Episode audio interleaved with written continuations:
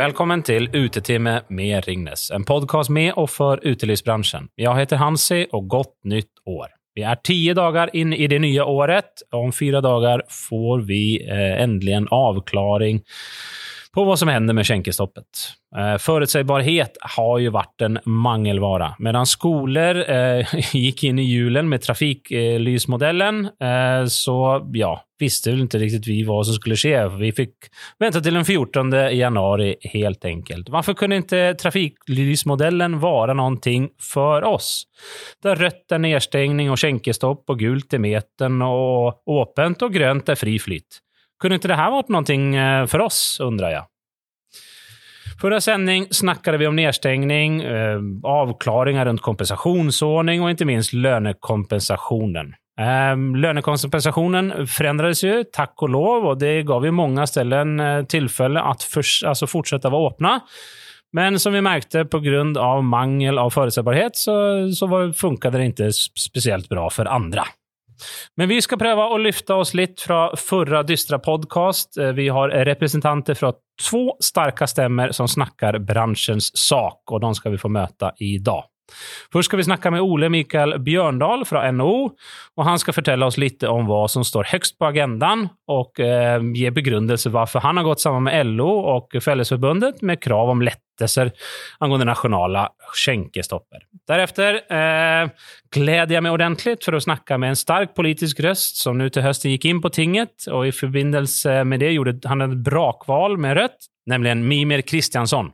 Og mitt mål er at i løpet av sendingen at vi skal ta med oss litt av den offensiviteten eh, som vi ser på vegne av bransjen vår der ute. Ole Mikael Bjørndal, du representerer reiseliv, ut, eh, reise og uteliv i bransjeorganisasjonens NO Reiseliv og er en bransjestemme i dialog med myndighetene. Dere har du virkelig eh, hatt en del å holde på med det siste. Hva er det som står øverst på agendaen hos dere nå? Ja. Um, det er, som du sa, så er det jo skjenkestoppen. Få avklart den. Det er uh, å også få sett skjenkestoppen i lys av lønnsstøtteordningen, og få evaluert lønnsstøtteordningen på nytt når, uh, når man ser hva som skjer med skjenkestoppen. Uh, og når Stortinget går i gang med evalueringen av den. Og så er det kompensasjonsordningen, eller ordningene, for, eh, for bransjen, og få, få, de på plass, og få de uh, sånn at de er treffsikre. Det er vel egentlig de tre hovedtingene som, som jeg jobber med daglig. Og det er jo et gammelt ord, sånn politisk finneord, som heter at eh, det er når du begynner å bli lei av å si det selv, at du begynner å gå inn der ute. Mm. Og jeg vil vel si at i hvert fall skjenkestoppen tror jeg nok de, de, de fleste har skjønt konsekvensen av nå etter at vi nå har hamra det inn såpass mange ganger at uh, for bransjen å ikke kunne selge uh, et så vesentlig produkt uh, Og dette gjelder faktisk ikke bare Her sitter vi på et veldig fint utelivssted, men altså, dette gjelder faktisk også opplevelsesbedrifter i Lofoten. Mm. Som opplever at eh, kundene, eh, som kan være utenlandske kunder, bestiller i, til andre land fordi at Norge ikke kan tilby et fullverdig produkt. Så hele reiselivsbransjen taper pga. sånn skjenkestopp. Eh, og Det er jo også litt av bakgrunnen for hvorfor, hvorfor, Fellesbundet og vi også gikk ut nå allerede før, eh, før jul og sa at dette må, må oppheves og den beskjeden må komme.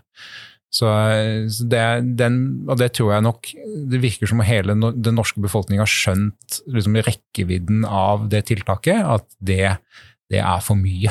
Mm.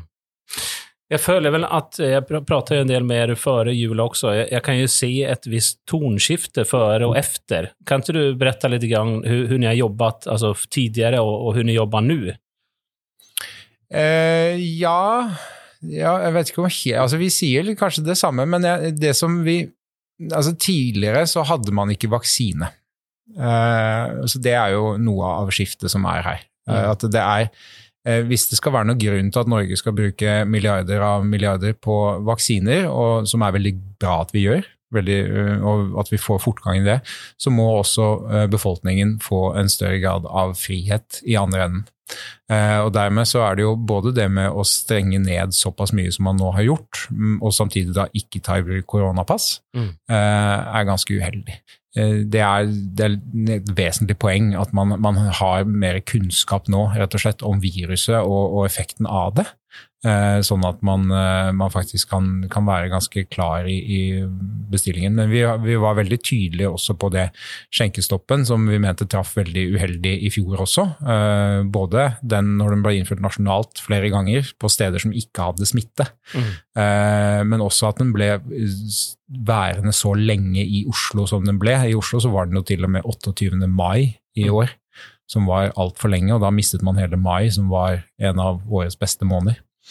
Men nå har man altså da en vaksinasjonsgrad hos, i den voksne befolkning som er 90% og da må det være sånn at de som har tatt vaksinen, de må få også frihet tilbake, og bedriftene må også få lov til å selge produktene. Denne trafikklysmodellen som vi ser i skolen, er det noe som du skulle kan tenke er det appliserbart uh, hos oss? Ja, altså jeg skulle jo gjerne sett at vi hadde gått inn i høsten, vinteren med en uh, en lignende plan. Altså Vi hadde en gjenåpningsplan. Regjeringen forrige kom jo mm. med en gjenåpningsplan. Og Jeg syns gjerne at man kanskje skulle hatt en beredskapsplan i, eh, i, lys, altså gjennom denne vinteren. Fordi hvis, hvis som, dersom sånne ting skjer, for dette snakket vi om, altså den delta-varianten som kom da i, i fjor vinter. Mm. Eh, det er ikke utenkelig at det kunne komme en omikron på nytt, så da kunne man sagt at ok, hva gjør vi hvis det kommer en ny variant, hva, hvilke tiltak skal vi gjøre? Og da kunne man jo diskutert ok, skjenkingen, utelivet, hva, hva gjør vi med dem? Hvis vi sier ok, Eh, meteren, skal vi gjeninnføre den? Eh, men nasjonal skjenkestopp, er det et effektfullt tiltak? Er det et forholdsmessig tiltak, eller kan vi justere det på andre måter? Eh, vi ser jo at Norge er det eneste landet i verden, eller i hvert fall i Europa, da. Mm. Saudi-Arabia ekskludert. Men eneste land i Europa som har en skjenkestopp. Mm. hvorfor er vi det, og kunne vi funnet en annen måte å gjøre det på? Fordi vi vet at full skjenkestopp har så lange konsekvenser når det kommer til permitteringer, arbeidsplasser og inntjening.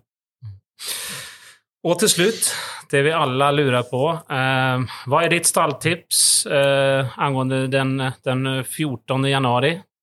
Ja, jeg tror ikke at de kommer til å holde på nasjonal skjenkestopp lenger enn det. Fordi jeg, det politiske presset nå er så stort, og jeg tror også at det har noe med Altså man må oppleve at befolkningen støtter det tiltaket som er. Mm. Og jeg føler, følelsen nå er at befolkningen ikke synes at skjenkestopp er et forholdsmessig tiltak. Mm. De, de, du har bordservering, du har meter avstand, du har krav om sitteplasser til alle. Så du har en rekke tiltak. I tillegg kan du ha munnbind når du beveger deg inne på utstedet. Så du har en rekke tiltak som gjør at det å servere alkohol på et utested ikke trenger å medføre noe særlig økt risiko. Og det er noe som vi også fikk eh, gjennom hele pandemiperioden, så har vi fått eh, gjennomgående skryt av bransjen for smittevernhåndtering. Mm. Den har vært utrolig dyktig, og det gjelder kommuneleger fra Lindesnes til Nordkapp, at man har sagt at dette har vært veldig bra. Så det bransjen selv vet, at de kan gjennomføre det bra, og befolkningen selv vet jo også hvordan man holder avstand nå. Mm. Det, så man føler ikke lenger at dette tiltaket er nødvendig for å allikevel ha et trygt og fritt liv. Så jeg tror ganske enkelt at øh, skjenkestoppen, den nasjonale, blir opphevet. Og så er det spørsmål da er det til klokken ti, som man har i Danmark? Blir det til klokken elleve, som man nå har i Sverige? Eller blir det til klokken tolv, som vi har hatt tidligere i Norge? Eller blir det Jeg tror ikke det blir fullt frislipp med en gang. Det blir det ikke. Men jeg tror det kommer en lettelse. Mimmi Kristiansson, du gjorde et brakval eh, sammen med dine partifeller eh, under høstens stortingsvalg. Eh, og nå har du fått til plass på tinget. Og nettopp i kraft av din nye rolle, og vi er nysgjerrige på eh, om du kan bistå til med å tolke de ulike debattene som pågår rundt bransjens rammevilkår. I tillegg håper vi at du kan gi oss noen velmenende råd om hvordan vi skal bygge oss opp igjen for å få gjennomslag på saker som er viktige for oss. Til det første, i løpet av de siste ukene har vi hørt helseminister som insisterer på at vi må vente til fredag den 14. for å få neste beskjed om hva som gjelder for bransjen. Eh, vi har fått offensiv opposisjon som har forsøkt å samle et flertall for å overkjøre regjeringen på skjenkeforbudet uten hell. Vi har fått juridiske eksperter eh, som har, så tvil, som har sådd tvil rundt grunnlaget i tiltaksnivået som gjelder. Og så har vi Vedum som så starkt antyder at skjenkeforbudet faller på fredag. Uh, forstår du at vi er litt forvirrede og trenger hjelp til å forstå hva som skjer? Ja, det forstår jeg veldig godt. Og det er jo et kaos uh, sånn som dette har blitt nå. Uh, både med tanke på hva som kommer til å skje på fredag, og de signalene som har kommet fra Vedum og nå fra Støre òg, mm. eh, om at det kanskje kommer en slags åpning, men eh, kanskje ikke, eller vente og se, på en måte. Mm. Eh, men, men, dette føyer seg jo bare inn i et mønster om at serveringsbransjen har Eh, helt siden pandemiens begynnelse blitt behandla veldig dårlig eh, mm. i Norge. Det er tre ting. Det første er at eh, man har fått de hardeste nedstengningene. Jeg er ikke noen smittevernsekspert, men, men, jeg eh, var på kjøpesenter i jula, og, så sånn, og de driver åpent som vanlig. Og det er masse folk der. Sånn at det er på en måte serveringsbransjen som alltid har blitt stengt hardest og lengst ned i alle sammenhenger. Det andre er jo at de kompensasjonsordningene man har lagd, de har vært designa Eh, for firma som eh, ikke er i serveringsbransjen. Sånn at veldig mange av serveringsbedriftene, særlig de små og uavhengige, kan man si, serveringsstedene, har jo falt utenfor alle kompensasjonsordninger, slitt noe voldsomt med det. Og så er jo det, det tredje er jo dette kaoset da, som er nå, eh, der man ikke får noe forvarsel, ikke noen idé om skal man ha folk på jobb i helga. da? Skal man planlegge, skal man vite når, hva beskjed får man på fredag? Ok, Betyr det fra fredag kveld? da? Mm. Eller betyr det fra lørdag kveld, eller hva kan man egentlig planlegge, hva kan man legge opp til? Og Der burde det være mulig, i tråd med det som eh, NHO nevnte, her, at det bør gå an å, å, lage ulike grader av en sånn plan, da, eh, uten at det blir helt eh, pingpong fra pressekonferanse til pressekonferanse. Og jeg, jeg, jeg, fikk med meg også Raymond Johansen går jo ganske tydelig ut og, og sier at uh, vi, vi, bør åpne. Er det her vanlig prosedyr å gå imot uh, parti på det her viset? For, för, för det var vel å gå imot partiet med å si ifrågasette altså tiltaket? Ja, det stemmer, og det er ikke så vanlig prosedyre. Men det er i hvert fall ikke vanlig prosedyre å, å ha vært så langt i pandemien og trosse smittevernråd eller smittevernregler. Og det er klart at Nå er det jo blitt ganske klart at det faglige grunnlaget for skjenkestoppen er ganske svakt. Altså, det har jo helsemyndighetene vært ærlige om. Men i den første fasen i pandemien så var alle bare helt lojale. Ingen stilte kritiske spørsmål, i hvert fall høyt, da, om noen ting. Nå sprekker jo dette opp, og det er fordi man opplever at den nedstengningen som er denne runden, er altfor hard og går altfor hardt utover serveringsbransjen. Og Raymond Johansen han er jo byrådsleder i en by der hvis jeg husker riktig, 17 000 folk jobber i serveringsbransjen. Sånn at det er klart at eh, for han så er jo dette ganske mye mer prekært enn det er for mange andre. Da. Eh, og da, da skjønner jeg veldig godt at han presser på, men det skyldes jo en slags desperasjon der det ene er jo at det er masse folkeskjære steder som går ad undas, folk som mister livsverkene sine osv. Men de folka som jobber i serveringsbransjen i utgangspunktet, de, det er ikke sånn at de er de, de folka som har for høy lønn i utgangspunktet, eller på en måte som sitter på store sparekontoer og kan gjerne tære på de i to-tre år. Sånn at når de i tillegg blir tvunget over på, på permittering for uh, tredje gang, liksom, mm. og alt er brent opp og de er helt usikre på hva de skal gjøre videre, så er situasjonen ganske desperat for mange av de. Og de folka her, de har jo strømregning strømregninger og leilighetsregninger som alle andre. og Det er ikke sånn at de slipper unna de eh, bare fordi at stedet der de jobber, er stengt ned. Så det her er jo òg en, en, ganske sånn brutal sosial eh, på en måte krise for mange folk i Norge. da. Og jeg føler vel at den siden av dette har ikke blitt tatt med i de vurderingene man har gjort når man har hatt disse her nedstengningene. Ja, jeg, jeg synes jo Det at Raymond har gått ut Han er jo ikke heller alene om å være byrådsleder for Arbeiderpartiet. Han har jo Valhammer fra Bergen var jo også ute. og det, det jeg tror det skyldes, er en effekt av pandemien, er at uh, de store byene har sett at utelivet er hjørnesteinsbedrift i byen. Mm. At det er så ekstremt mange arbeidsplasser, at det er ekstremt viktig for trivselen. Altså, vi sier jo ofte at reiselivet skaper puls når man er i, i byen. Uh, og det at så mange politikere nå har sett verdien av serveringsstedene, hotellene, kulturarenaene, alle disse stedene.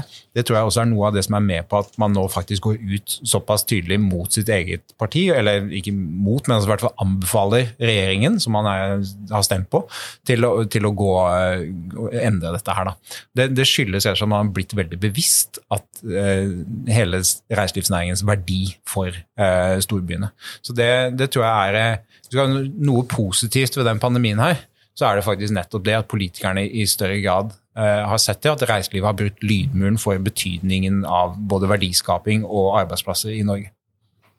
Ja, jeg skrev eh, tidlig i pandemien at uh, hvis serveringsbransjen hadde vært et verft eller en bank, så hadde det vært redda for lenge siden.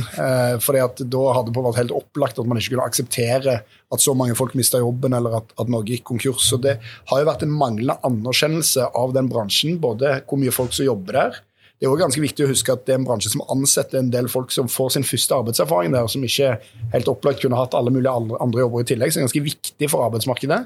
I tillegg så skapes det masse verdier, og så er det jo dette som er vanskelig å snakke om i Norge, fordi at det med en gang blir en sånn moralistisk alkoholdebatt, men det er jo ganske viktig for samfunnets psykiske helse at folk kommer seg ut spiser i lag, til og med også ta seg noen øl i lag. Mm. Det betyr utrolig mye for velværen på en jobb, det betyr mye for velværen i en vennegjeng, det betyr mye for eh, velværen til folk.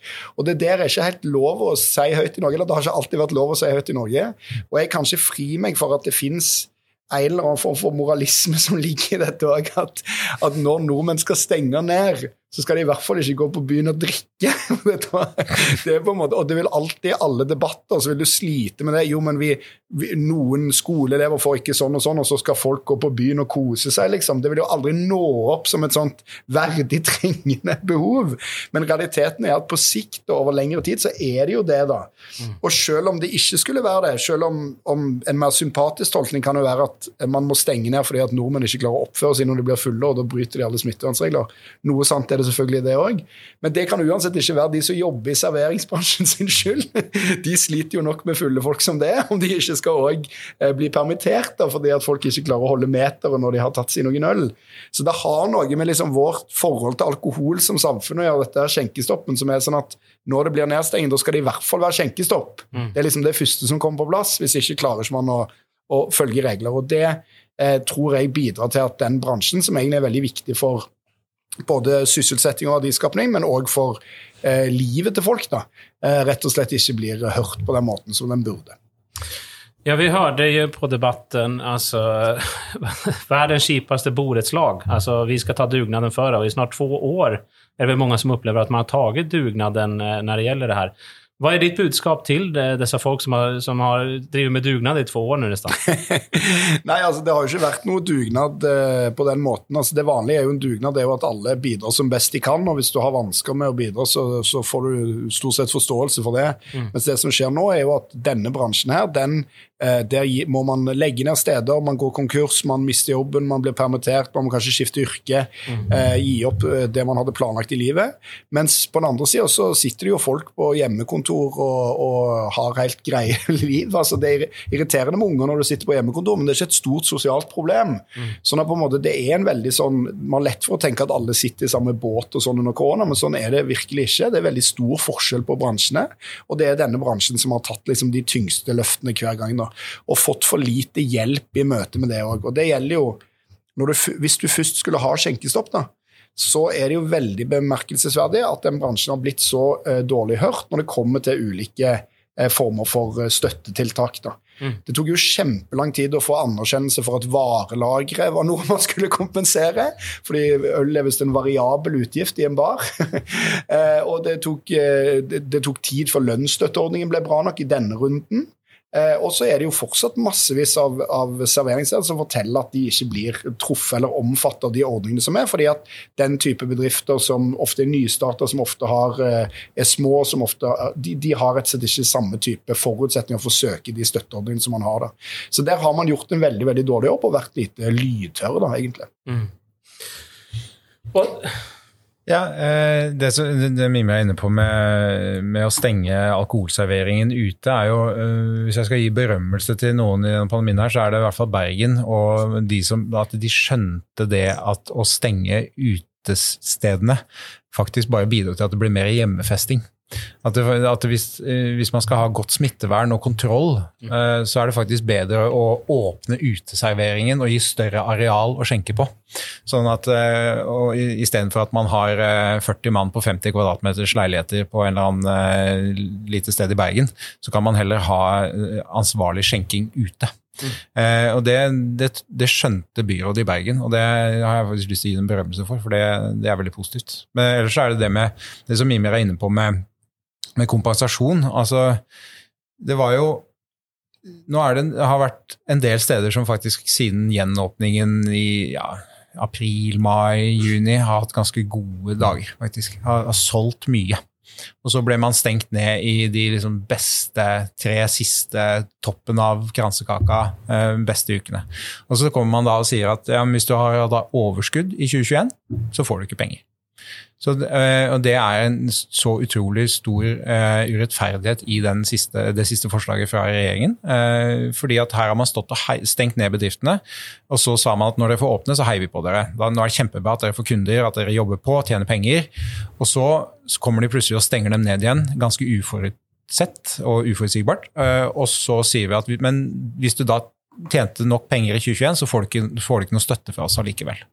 Det ligger inne som en forutsetning, og det spiller ingen rolle om du er stor eller liten bedrift. eller noen ting som helst, Da er det bare sånn, det, det er krav om overskudd. og det, det, har vi hatt gode møter med flere partier om nå, som begynner å, å se det problemet. At det, det, siste forslaget fra regjeringen som ligger, sier at hvis du har overskudd i 2021, så får du ikke penger.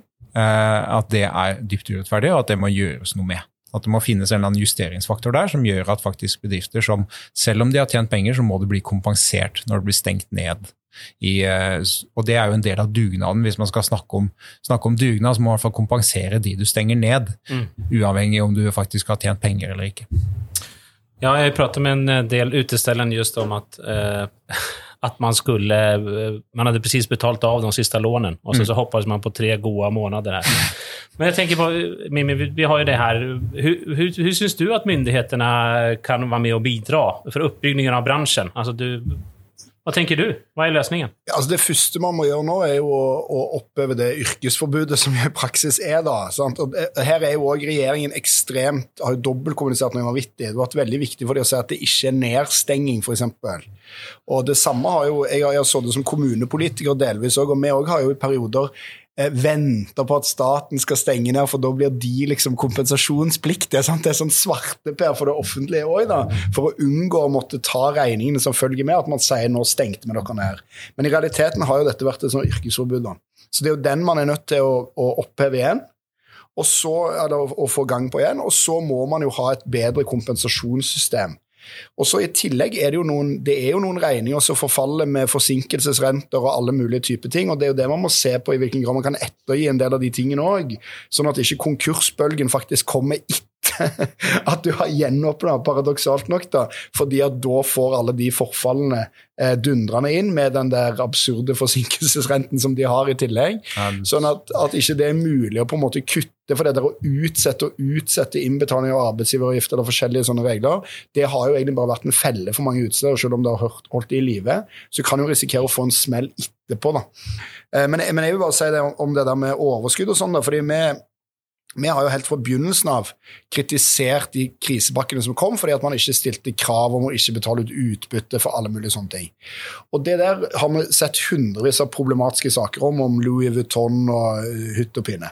Men det rare er jo at når da dette overskuddskravet kommer, så blir det på en måte en slags feil på feil. Da. Mm. Fordi at da rammer det jo bedrifter som altså Hvis du har gått med underskudd i hele 2020, da, og så har du noen måneder i 2021 der du bygger de bitte litt opp. Da har de jo egentlig tapt sinnssykt med penger under pandemien. Du har ikke drevet og berika deg på koronakrisepakker. Det er ikke det som har skjedd. Men fordi at du har hatt de månedene i 2021, så har du gått med overskudd hittil i 2021. Og da, hvis du ikke da får kan få noe hjelp, så, så har du på en måte mista all mulighet Folk skal jo ha noe egenkapital i bedriftene sine òg. Mm. Sånn at det der er på en måte jeg er, øh, vi er opptatt av at du ikke skal kunne ta penger ut av de koronapakkeordningene og stikke til utlandet med de, eller sånn. men i utelivsbransjen så er jo veldig mange av aktørene er ikke det en aktuell problemstilling overhodet. sånn at da er jo diskusjonen Har man liksom endt opp med et slags overskuddskrav som på en måte rammer helt feil, ut ifra det som sikkert òg var regjeringens hensikt, da, å hindre at man beriker seg på de ordningene? Ja. Ja, det, og det ligger jo et paradoks i det høringsnotatet fra regjeringen, for der står det jo at det er meningen å, å, å kompensere da levedyktige og omstillingsdyktige bedrifter. Mm. Og hvis du da har klart deg gjennom to år med pandemi, hvor du har vært stengt ned i periode på periode på periode, og til slutt allikevel har klart å komme ut med et overskudd, hva annet da er du enn levedyktig?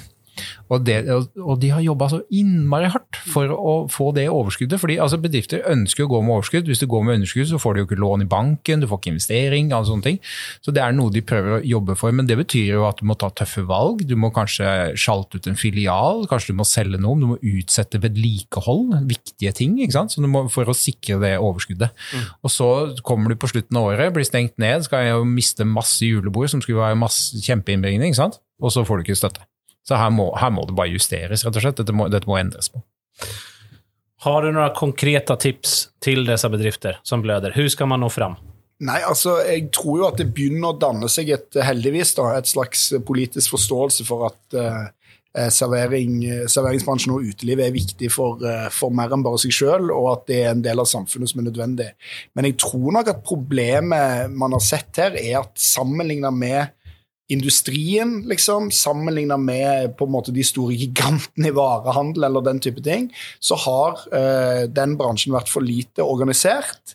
eh, og på, i for liten grad klart å på en måte snakke med en slags sånn samla røst. Uh, og det kommer jo òg av at man egentlig har en veldig god struktur, nemlig at man har mange små bedrifter, som egentlig er noe også, som paradoksalt nok alle politikere ønsker, men som gjør at det er vanskeligere å ha den type talspersoner som ja, Petter Stordalen kom på forsiden av VG uansett hva han melder om situasjonen i hotellbransjen. han. Mm. Men du har ikke på en måte hatt den der samme og tilsvarende, hvis, hvis, hvis, du er et stort verft og ber om et møte med politikerne på Stortinget, så stiller alle sammen opp for det er et stort verft. Mm. Men om du har ti ganger så mange ansatte som på det verftet i utelivsbransjen i Oslo, så er det mye vanskeligere å skape forståelse og aksept for de kravene, fordi at de er fordelt på mange små aktører.